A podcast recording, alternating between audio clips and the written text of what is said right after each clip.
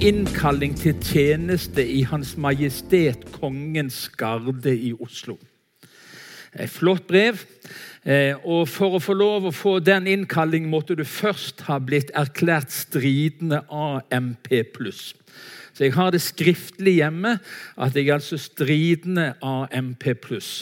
Men etter at jeg fikk det brevet, så kom jeg i tvil. Var det rett for en kristen å bære våpen? Eh, og Jeg var flere måneder i tenkeboksen på dette, om jeg kunne forsvare det å være en del av en sånn sammenheng i Nato hvor vi hadde atomvåpen og utslettelsesvåpen. Og dette var jo under den kalde krigen.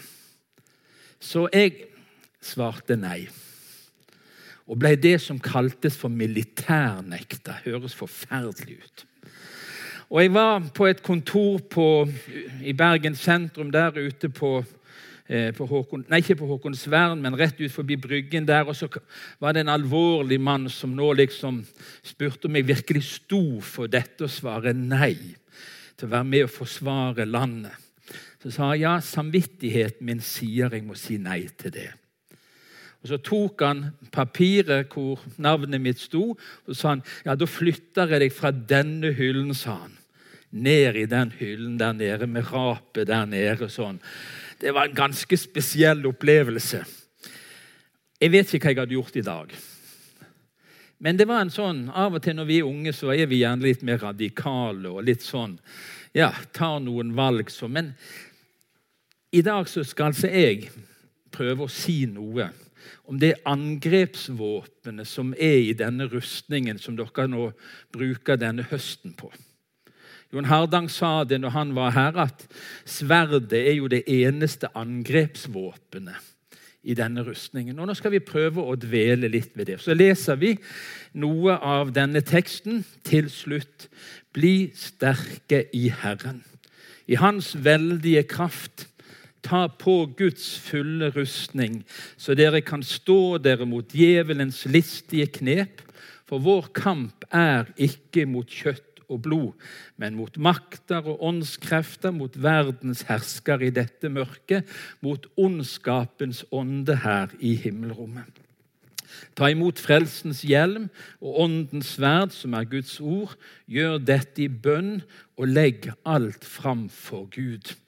Åndens sverd, som er Guds ord. Og Vi tar også med et, et eh, vers fra Hebreabrevet gikk dette litt fort her.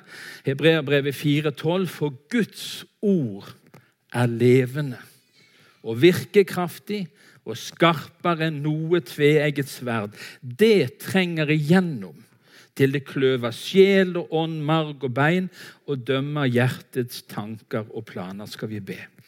Herre, vi takker deg for at ditt ord er levende. Det er virkekraftig. Den dag i dag, Herre, så er ditt ord i stand til å skape tro og liv. Til å avsløre og avdekke, til å kle oss i bibelske, herlige sannheter. Nå ber vi her at i denne formiddag, når ordet skal forkynnes, at ordet får virke i god hjertejord, Herre. La det lande i den jorden som bærer frukt, den frukten som varer, Herre. Og takk for at du er til stede i dette rommet ved din ånd. Amen. Vår kamp sto om. Og Da er det flott å kunne si bare helt innledningsvis at selve hovedkampen er vunnet. Når vi taler om åndskampen og vi taler om den kristnes kamp, så er hovedslaget er allerede vunnet. Han kledde maktene og åndskreftene nakne og stilte dem fram til spott og spe da han triumferte over dem som seierherre. Han viste seg som seierherre over dem på korset. ikke det flott? Selve hovedkampen mot den ondskapens ånde her, den er vunnet. Jesus' seier var fullkommen. Og Det er nesten litt dramatisk, det som står her, og stille det fram til spott og spe. Altså, Da er det ikke mye igjen. Jesus' seier på korset var total. Han avvæpna maktene og myndighetene. Han stilte de nakne fram. Så hovedkampen er vunnet. Og Derfor kan vi synge Det alt er ferdig. Jeg skal ikke gjøre men bare hvile i det du har sagt. Noen, når vi var litt yngre, så syntes vi den sangen var litt passiv. Er det sånn at vi skal bare hvile? Ja, rett forstått, åndelig talt, så skal vi bare hvile. Vi kan ikke legge noe til Golgata-verket. Vi kan ikke trekke noe fra. Den seieren er vunnet, og djevelen vet at han er beseira. Han vet at han har bare en kort tid, men han er beseira. Så den kampen trenger ikke du tenke på. Og Derfor synger vi en annen sang. Jesus vant, og jeg har vunnet. Sånn er det. Hovedkampen er allerede vunnet. Men så er det en hverdagskamp. Og Jeg tror de fleste av oss kan kjenne oss igjen i Romerbrevet kapittel 7, når Paulus sier det på denne måten. For jeg forstår ikke hva jeg selv gjør. Det jeg vil, gjør jeg ikke. Og det jeg avskyr, det gjør jeg. Skal vi være ærlige med hverandre? ikke er det sånn det kjennes av og til? Kan ikke du bli fortvila av deg sjøl? Hvor mange har vært på en leir og lovt at fra i morgen av på mandag skal alt være annerledes? Skal begynne et nytt og bedre liv, tror jeg. Altså, Det er noe i oss som stadig ønsker at dette skal bli enklere, annerledes. Det skal få prege oss mer. Så kjenner vi at noe strider i oss. Det er krefter i oss som drar oss i forskjellige retninger. Og Det er herlig å være på møte og på gudstjeneste og sammen med andre kristne. Og så er det hverdagen ganske tøff. Så kjenner vi oss dradd til forskjellige ting. Og vi er ikke så stolte alltid over det vi kan si og det vi kan gjøre. Der er en hverdagskamp. Men så har jeg bare lyst til å si hvem kampen er imot. Hvem er det vi egentlig kjemper imot? Vår kamp er ikke mot kjøtt og blod. Og Her har vi nok i bedusbevegelsen av og til hatt en litt vel stor pekefinger. Og gjort det sånn at mennesker har kjent seg ikke elska, ikke akta og hvordan vi lett har liksom tenkt at hør hvor det stormer der ute, så peker vi på mennesker på en måte som gjør at de føler seg små og ynkelige. Og Var det noe Jesus makta, så var det å balansere disse tingene. Hvordan Jesus på en sånn spesiell måte kunne løfte mennesker opp. Det var noen han sleit med. Hvem var det? Det var fariseerne, de skriftlærde. De fikk nok av og til en pekefinger av Jesus. Men de han møtte som sleit med livene sine, de som det hadde gått i stykker for, hva sa han til de? Han løfta de opp. 'Heller ikke jeg fordømmer deg', sa han. Gå bort og synd ikke mer. Du, vi må aldri begynne å kjempe mot mennesker. Mennesker er vi kalt til å elske. Mennesker er vi kalt til å løfte opp. Men bak det menneskelige, sier Bibelen at det virkelig er en kamp. Det er makter og det er åndskrefter som kan få lov å berøre mennesker, utfordre mennesker og bruke mennesker. Vi er ikke mot mennesket, men vi kjemper mot de maktene og de åndskreftene som kan påvirke mennesker. Vær edrue og våk. Deres motstander djevelen. Vi står djevelen imot. Kampen vår er ikke mot menneskene, for vi er for mennesker. Men vi kjemper mot djevelen og hans ånde her. Og så står det her at han går rundt som en brølende løve. Det, det kan vi kanskje merke, men det står en annen plass at han kler seg i en lysets engelskikkelse. Da er det ikke så lett. Han kommer kviskrende med de der fine ordene. Og den stemmen som hører ut som en engels stemme. Vår kamp er mot djevelen. Fra idretten så har vi lært at angrep kan være det beste forsvar. Denne, dette åndens verd den hjelper oss til å forstå noen av prinsippene, hvordan vi kan bli sterke i Herren, hvordan vi kan seire. Da kom fristeren til ham, til Jesus, og sa, Er du Guds sønn, så si at disse steinene skal bli til brød. Jesus svarte, Det står skrevet. Jesus ble angrepet. Hva gjør han? Det står skrevet. Mennesket lever ikke av brød alene, men av hvert ord som kommer fra Guds munn. Og kanskje litt mer alvorlig i Matteus 22, men Jesus svarte dem, dere farer vill, fordi dere ikke kjenner Skriftene. Der er situasjoner hvor vi hadde hatt hjelp av å kjenne Skriftene. Hvor vi hadde vært i stand til å forsvare oss mot djevelens livstige angrep. Hvis på en måte det var en sånn autorefleks at ordet kom til oss. Sannheter fra Bibelen kom til oss i krevende situasjoner, og Jesus var avhengig av det. Tre ganger her, med inngangen til sin tjeneste etter å ha vært i ørkenen i 40 dager og 40 netter, så stilte djevelen opp, og så svarte han det står skrevet. Det står skrevet. Vi forsvarer oss.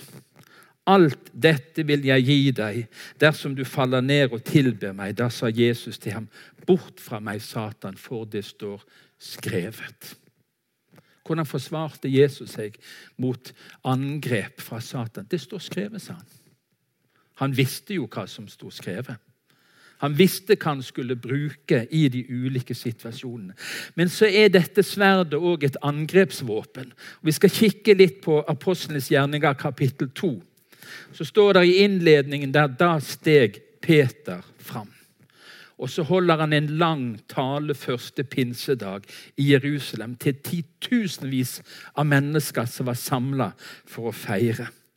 Så skal hele Israels folk få vite for visst denne Jesus, hør nå, som dere korsfestet. Hva er det han gjør? Han går til angrep. Nå er ikke han lenger bare opptatt av å forsvare seg, men nå bruker han åndens sverd, Guds ord, og så sier han denne Jesus som dere korsfestet, ham har Gud gjort til både Herre og Messias. Da de hørte dette, stakk det dem i hjertet. Guds ord er et angrepsvåpen. Guds ord kan avkle, avsløre, avdekke. Og Jeg hadde en opplevelse en gang i en menighet jeg var i tidligere, hvor jeg en søndag på en gudstjeneste forkynte Guds ord. Og så Etter gudstjenesten så kommer der en kvinne fram og var rasende på meg. Det hender jo det. At forkynnere får en sånn reaksjon. Og så sa hun 'Hvem har sladra?' Ja, hva, hva du sier Hvem har sladra på meg? Nei, det er ingen som har sladra på deg. Jo, for du sa noe i talen som jeg sa til en annen for noen dager siden i en helt annen sammenheng, og så står du og sier det samme. Ja, hva var det jeg sa? Og så viste hun til noe i talen, noe fra Guds ord, som hadde truffet henne. Jeg visste ingenting om det. Men Guds ordet har den egenskapen at det kan avdekke og avsløre. Det er et angrepsvåpen. Og så er det samtidig litt ydmykt å snakke om det, for jeg har jo ikke lyst til å angripe dere i dag med Guds ord. Det er jo ikke sånn at jeg tar Bibelen fram og har lyst til å slå dere i hodet med den. Men Guds ord avslører. Guds ord avdekker. Det stiller oss til veggs. Det forteller oss at vi ikke har kjangs uten Jesus. La det være Jesus, sang vi. Det avdekker all religiøsitet. Eh, all evne til å klare å tilfredsstille Gud i egen kraft.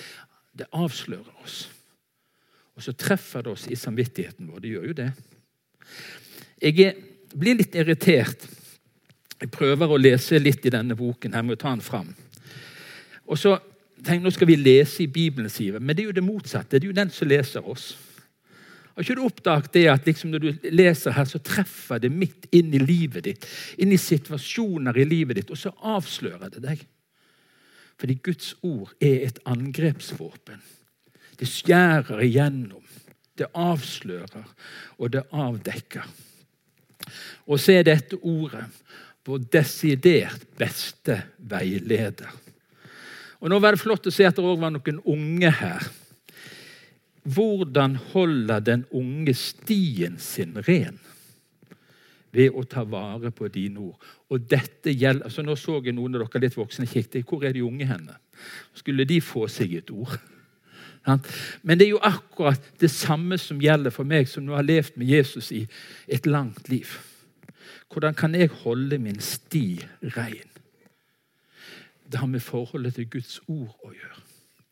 Inn i så mange livsområder er ordet ubehagelig avslørende. Ubehagelig utfordrende. Eh, neste søndag har Bent og meg vært gift i 40 år. Og Den søndagen skal jeg preke på Fredheim, og teksten for den søndagen er 'I gode og onde dager'. Kan du tenke deg? Jeg tror ikke hun kommer til å komme på den gudstjenesten. Jeg vet ikke om Hun tør. Hun har i alle fall sagt 'ikke snakk om oss'. Men Bibelen er så tydelig i sin veiledning om ekteskapet. Om mannens rolle, om kvinnens rolle, om barna sitt forhold til foreldrene, f.eks. For eksempel. Bibelen er helt konkret i sin veiledning. Og På Jæren så sier de av og til når de hører forkynnelse vi, vet det er sant, men vi liker det ikke. Altså, Det treffer oss jo midt inne i livet. Jeg får lov å ha vigselsamtaler rett som det er. Og Så sier jeg til de unge parene at dere må i alle fall ha minst to timer satt av. For jeg begynner i første Mosebok ender i Johannes' åpenbaring. Og alt som handler om ekteskapet, kommer vi innom. Og så sier jeg til damen du kan slappe av. Og sier til mannen du skal få høre det. F.eks. Efeserbrevet hvor det står at mannen skal elske sin hustru som Kristus elsket menigheten og ga sitt liv for den. Mannfolk, det sier Guds ord. Ja vel, er det lett? Nei, men det er rett. Det er bibelsk veiledning. Hva er den kristne mannen primært kalt til? Ikke sånn som kirkehistorien viser, at han utøver makt, men han er kalt til å bøye seg ned og løfte opp, sier Bibelen. Hva var det Jesus gjorde? Han bøyde seg ned og løfta mennesker opp. Hva var det Jesus gjorde? Sånn er vi kalt til å leve. Og Så sier jeg til hun unge damen der forelska på 21 og 22 år Du har bare den enkle oppgaven å underordne deg. Det er piece of cake. Og Så ser hun på meg med litt sånn ja, Hva mener du med det? Jo, altså, Dere kjørte jo opp her i dag, og det var 50-sone og det var 40-sone. Du måtte underordne deg. Vi underordner oss alle hver eneste dag. Vi betaler skatt. Vi, vi underordner oss. Det hører livet til. Det er ikke vanskelig å underordne seg. Men det er mye vanskeligere å elske sånn som Kristus elsker menigheten og ga sitt liv for den. Altså, Dette sier ordet. Sverdet. Hvordan skal vi holde vår sti rein? Ved å ta vare på dine ord. Ditt ord er en lykt for min fot og et lys på min sti. Hvor mange ganger er det ikke situasjoner hvor vi trenger veiledning for livet, for valg vi tar? Ditt ord er til stede. Dine ord gir lys når de åpner seg. De gir uvitende innsikt. Det er så nydelig når det går opp for deg. Har ikke du lest Bibelen, så detter det på plass. Det liksom klikker inn. Brikkene faller på plass. Ordet gir lys når de åpner seg. De gir uvitende, og vi er uvitende på mange ting. Ordet. Og så kommer den nydelige veiledningsteksten til den unge Timoteus. Hver bok i Skriften er innblåst av Gud. Hver bok i Skriften er innblåst av Gud og nyttig til opplæring, til rettevisning, veiledning og oppdragelse i rettferd, så det mennesket som tilhører Gud, kan være fullt utrustet til all god gjerning. Hvordan kan vi bli sterke i Herren? Hvordan kan vi bli fullt utrustet til all god gjerning? Primært handler det om vårt forhold til Åndens sverd, til Guds ord. til den veiledningen som står her. Hvordan kan vi bli stående etter å overvunne alt som teksten dere bruker, snakker om? Vi må kjenne Skriftene. Dere farer vill fordi dere ikke kjenner Skriftene. Hvordan skal vi holde vår sti rein? Hvordan skal vi få lov å leve et liv fullt utrusta til all god gjerning? Og så vet alle som er her, at det ikke alt som eh, Det er liksom ikke alle svar du får svart på hvitt i Skriften. Jeg visste ikke om jeg skulle ta med dette eksempelet. Kanskje dere må slette det før dere sender det ut på luften. Men en sommer for mange, mange år siden så var jeg på Lyngdal bibelcamp og ble forelska i en jente. Det er sånt som skjer på bibelcamp. Og det er ikke hun jeg er gift med nå, bare så dere er klar over det. Og så, I gamle dager når det var teltmøter, så var det sånn sidetelt. Sant? Så du gikk fram til forbønn. Og jeg gikk fram til forbønn til Bjarne Edvin Landro eh, og ba om råd. Og så er jeg forelska, Bjarne Edvin, sa jeg. Og så, hva skal jeg gjøre? Ja, du får gå hjem og lese Skriften, sa han. Nei, det var ikke akkurat det han sa. Men vet, jeg gikk inn i teltet på Lyngdal bibelcamp, så åpna jeg og sa jeg, Gud, nå må du gi meg et ord. Så gjorde jeg sånn. Og der sto det 'ta din hustru til deg'. Sto det. Og det er helt sant. Så jeg tenkte ja, jeg får jo spørre den damen, da. Det ble ikke oss. Det ble ikke oss. Det er liksom ikke alle ting du får svart på hvitt i møte med Skriften. Det er andre prosesser, det er andre ting som må være med og spille inn når du tar ulike valg. Men gå aldri utenom Skriften. Den uvitende får visdom i møte med Skriften. Ordet åpenbarer seg. Ordet gir lys. Ordet gir veiledning. Åndens sverd, Guds ord, er skrevet oss til veiledning. Fra tidenes morgen så har dette ordet vært det som djevelen har ønsket å ødelegge. Fordi et Guds ord, står der i salmen, kan ham binde. Og Derfor er det noe som er det viktigste for djevelen det å ødelegge vår tro på Guds eget ord. Ødelegge forholdet vårt til Guds ord. Har ikke du merka det? At når du skal lese Bibelen, så får du forferdelig dårlig tid? Eller når du skal be? Du kan jo hele dagen få deg til å sløve, men når du åpner Bibelen, så kommer du på alt det du burde ha gjort. Alt det som haster. Hvor mange ganger har du bestemt deg for å lese gjennom denne boken en gang i året? Eksempel? og Så kommer du til mai, og så ser du det ligger to, tre, fire, fem bøker på etterskudd. Hva er det som gjør det? At ord og bønnen ofte er så vanskelig. Fordi der blir vi angrepet. På alle tenkelige og utenkelige måter. Jeg googla litt, det ser dere på disse bildene, for å finne noen sånne illustrasjoner. Og under ett av bildene så sto det derfor kan en sløv kniv være farlig. For oss som har unger og har gitt de kniver, så har vi jo tenkt at de må jo få en sløv kniv, så de ikke skjærer seg. Men i mange situasjoner i livet er en sløv kniv farlig. La oss si litt om dette. Slangen var listigere enn alle ville dyr som Herren Gud hadde laget. Den sa til kvinnen, har Gud virkelig sagt at dere ikke skal spise noe av noe tre i hagen? Har Gud virkelig sagt? Den kampen pågår ennå. Og kanskje mer enn noen gang i historien så er det noen som ønsker å plukke og lime. Ta ut det som ikke passer. Og egentlig er det mye som ikke passer. Altså Rent sånn menneskelig, fornuftsmessig, ut ifra vår tids verdier, så kan du snart rive ut halve boken. Og Vi lever i et krysspress, og jeg tror du merker det i situasjoner i ditt eget liv. Er det så nøye? Er det så farlig? Hva stemmer? Det er stemmen fra eden som fortsetter ennå som møtte de første menneskene. Og Det han måtte få ødelegge for dem, det var troen på at det Gud sa, var det beste. Og Derfor opplever vi at åndens sverd Stadig er det noen som prøver å sløve eggen på dette doble sverdet. De prøver å sløve det. Og hvordan sløves dette?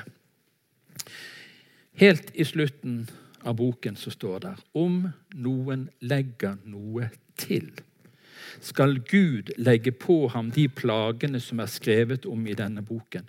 Og om noen trekker noe fra ordene i denne profetiske boken, skal Gud ta fra ham hans del i livets tre og i den hellige byen. Hva er bedehusets største problem?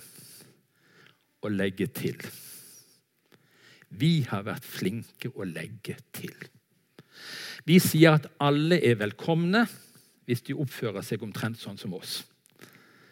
Hvis de mener sånn som oss, kler seg sånn som oss, og Det er spennende å lese litt bedehushistorie, hva som var synd før. Fordi det var menneskebud som var lagt til.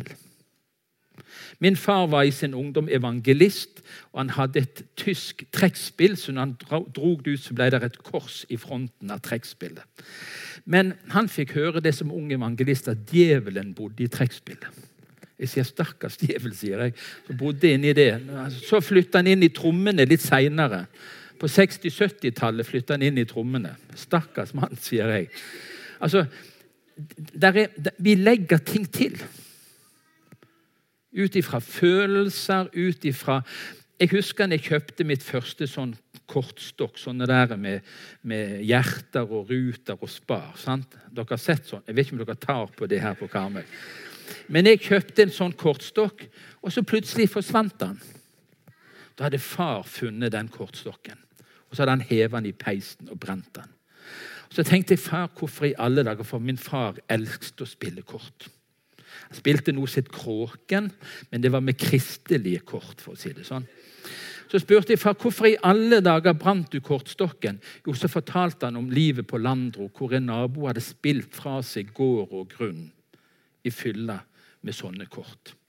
Og da var jo de kortene ubrukelige. Altså, når fjernsynet kom, så var det nesten greit i svart-hvitt, men når det kom i farger, da ble det synd alt. Og Kristenfolket var livredd for utviklingen. Og det var mange som ikke kjøpte. Når vi kjøpte fjernsyn i, i Sandnes i 1963, så tørde ikke mor og far å ta antennen ut på taket, så de hadde den inne på loftet. For at ikke folk skulle se at vi hadde kjøpt fjernsyn. Altså, Vi har lagt mye til. Vi har lagt porten inn til forsamlingen vår uendelig vanskelig.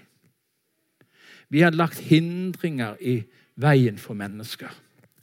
Det er som om ikke vi stoler på at Guds ord er nok.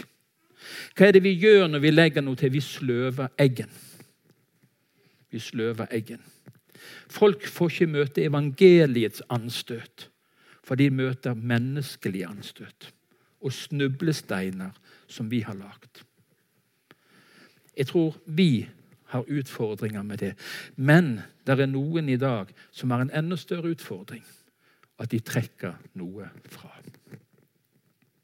Og I dag sløves den ene siden av eggen nesten konsekvent i all offentlig samtale om tro.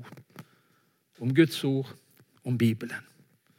Nå lærer de på teologiske læresteder jo Bibelen er viktig, men den menneskelige erfaring er like viktig.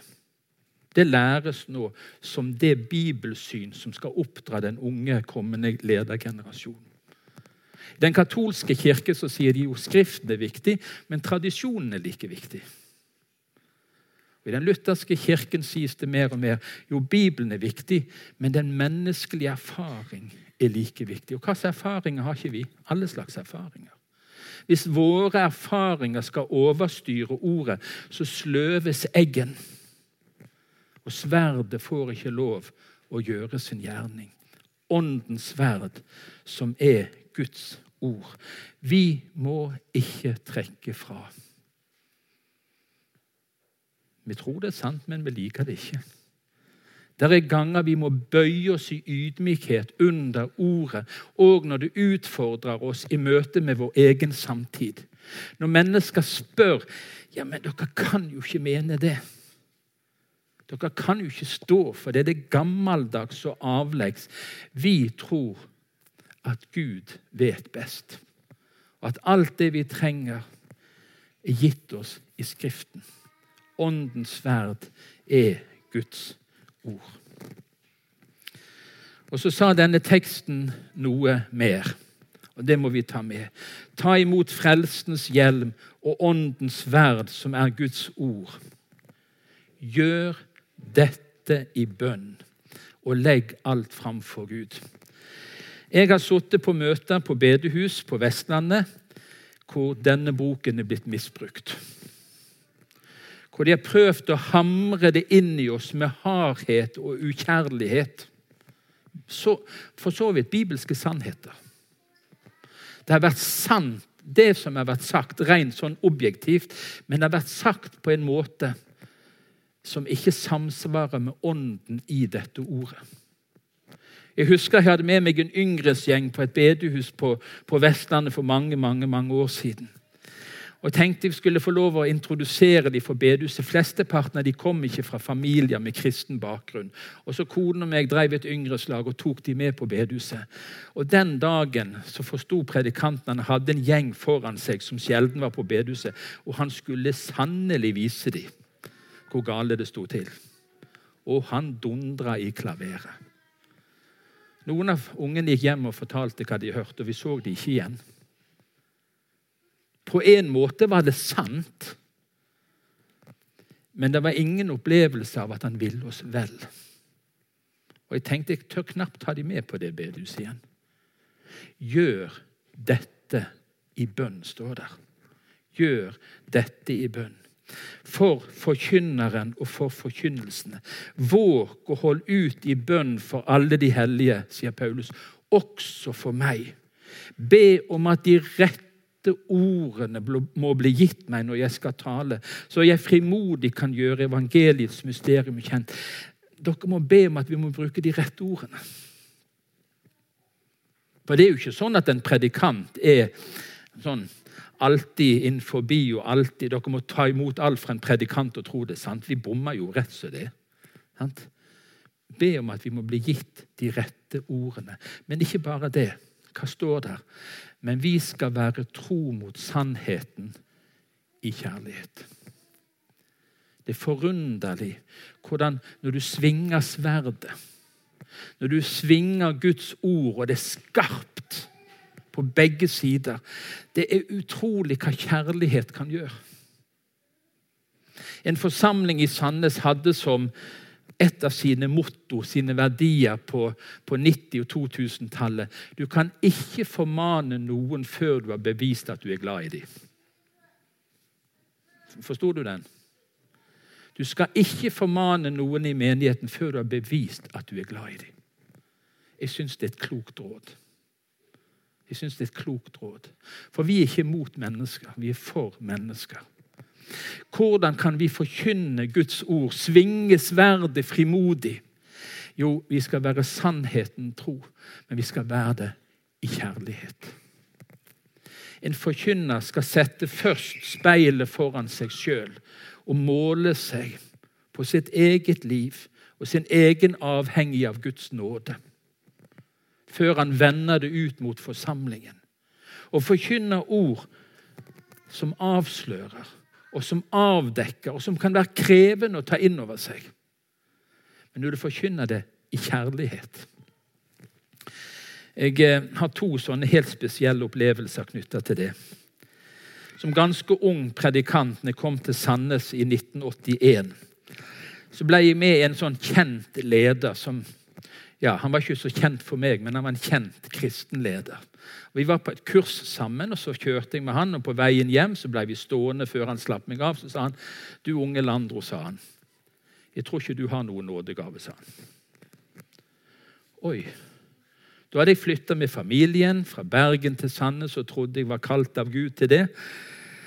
Og så sier den mannen, 'Jeg tror ikke du har noen nådegave'. Jeg gikk hjem til Bente og sa jeg tror vi skal pakke og reise til Bergen igjen. For her har vi ingenting å gjøre. Han hadde aldri bevist noen gang at han var glad i meg. Og han holdt på å knuse hele starten på tjenesten i Guds rike.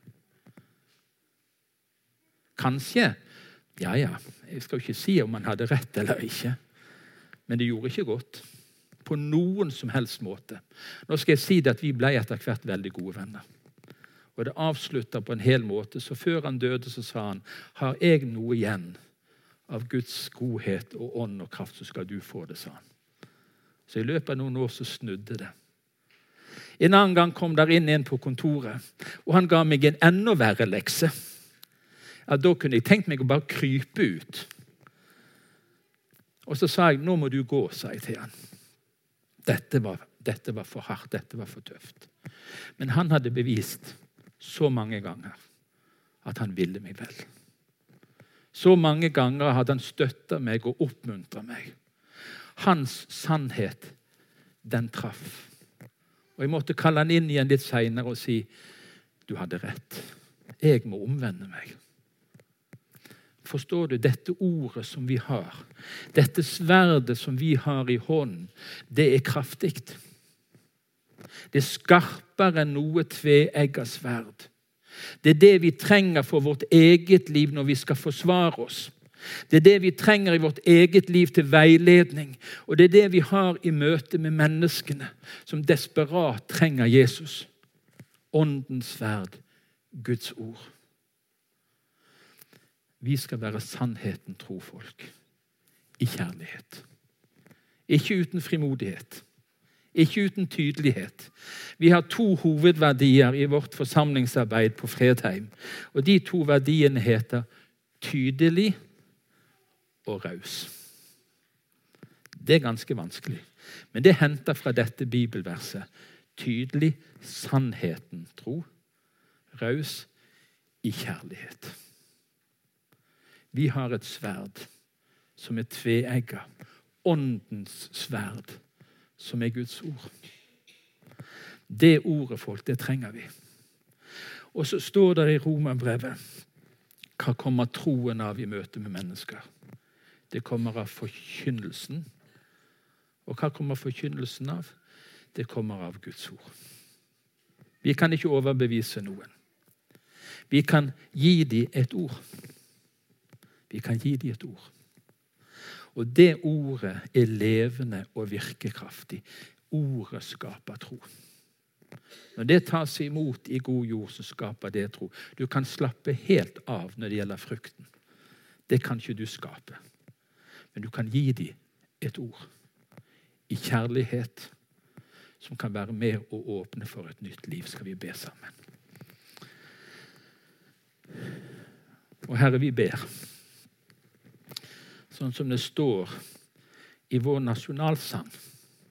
Du sendte ditt ord til Noregs fjell, og ljos over landet strømte. Og Herre, vi ber om en tid nå og framover hvor du sender ditt ord til bygder og til byer. Til små steder og store steder, til mennesker, Herre. Send ditt ord ut. For med ditt ord kommer lyset. Det som avslører mørket i vårt eget liv og i andre mennesker sitt liv. Og Jeg ber for dette fellesskapet her på Vea, at de skal få lov med frimodighet å forkynne evangeliet frimodighet svinge åndens ferd, være sannheten tro i kjærlighet. Så ordet kan få gjøre sin virkning. Til ære for ditt navn ber vi om det, Jesus. Amen. Thank